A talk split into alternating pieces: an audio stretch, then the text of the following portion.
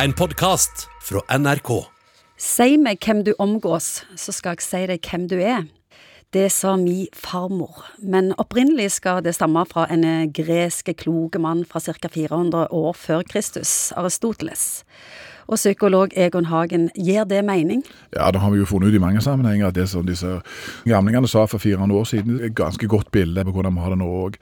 Jeg tror nok det er mye der. At vi, vi liker å omgi oss med ting som vi kjenner oss igjen i, og som til en viss grad minner oss om oss sjøl. Det, det, er liksom den litt sånn narsissistisk å sitte og kikke seg sjøl liksom i speilet. Det er, det er sånn verden er, og det er sånn folk er, og det er trygt og godt. Jeg har lest det enda mer konkret der det sto at eh, du er en miks av de seks personene du ser oftest. Det høres veldig fornuftig ut. Jeg har sagt det i forhold til alkohol mange ganger, at alkoholkonsumet ditt er mest sannsynlig et snitt av de fem nærmeste vennene dine. Se hvordan de drikker, så vil du stort sett finne ut hvor du drikker i forhold til det. Og sånn er det nok i forhold til trening, sånn er det sikkert i forhold til sosial aktivitet og interesser og film og you name it, egentlig. Det gir litt sånn ekkel, konkluderende følelse. Ja, men det er nok at Er vi ferdig konkludert? Nei, jeg tror ikke det, for det, det, det er jo ikke hele historien. Og så er det jo heldigvis sånn at de fleste har kanskje opplevd at noen ganger så trenger du noen som er ganske forskjellige for deg sjøl, og som kan være med oss og speile deg og utfordre deg fra helt andre vinkler. Og jeg tror nok at det, mange vil si at hvis du er heldig å ha det, en sånn buffé av venner, hvor det er noen som er en sånn ja, one trick pony, litt sånn som deg sjøl, som, som liker det samme om igjen og om igjen, så har du noen som på en måte kan utfordre deg og gi deg refleksjoner og speilinger som, ja, som overrasker deg, så er det en ganske god miks. Så jeg vil jo jeg vil jo si det at vi trenger faktisk litt begge delene. Hvis du bare er liksom sånt uh, sammen i den samme uh, gjengen he, hele livet, så, så, er det ikke mye utfordringer du får der. Det får meg inn på neste spørsmål. Hvordan kan vi bruke den visdommen?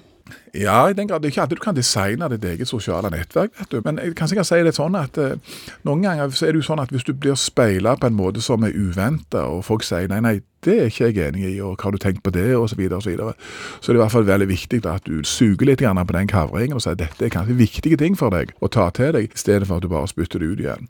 Betyr det at vi bør luke litt i vennehagen? I den sammenheng tror jeg mer det er å tåle at det er noen fløytetoner i det koret som du er med i, som skjer litt ut, og som er litt annerledes, Å tåle det det, det, tror jeg er viktig, for det kan ligge viktige innspill i forhold til at du kan utvikle deg. Altså, vi har jo alle ja. hvite områder. Vi prøver jo mange å ha venner som er like lure, eller helst litt lurere nå, så vi har noe å strekke oss etter, så iallfall ikke går feil vei. Det er ikke alltid det er sånn, ser du, Ingvild. Noen ganger er det sånn at folk liker folk som er litt like. litt dummere. Hvis du kjører i 90, så vil du gjerne at de som kjører i 85 og 70, sånn at du kan føle deg litt sånn som konge blant gjena. Jeg har sett ganske mange av de eh, som, som, faktisk syns det er vanskelig å være sammen med folk som er for høye og mørke og liksom har 48 i skonummer, fordi at de føler seg litt mindre da. Så der er vi òg litt forskjellige.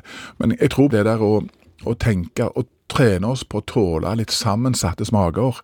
Når vi blir eldre altså Jeg har sagt det før at når vi er unge, så liker vi liksom enkle smaker, søtt og de tingene. Så blir vi eldre, og så begynner vi å like blå Så vil vi ha mer av alt? Ja, så begynner vi å like blåskimmelost, og så begynner vi sant, og, sant, og begynner å like Oliven. Oliven sant, ting som du ikke likte. sant? Husker første gang jeg smakte paprika, det var en stor skuffelse.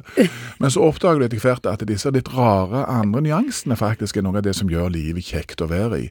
Så Sånn tror jeg det er litt òg i forhold til denne Twist-posen og venner. Altså at vi det kan være litt forskjellige eh, ting oppi disse eh, tvistbakkene. Du har hørt en podkast fra NRK. Hør flere podkaster og din NRK-kanal i appen NRK Radio.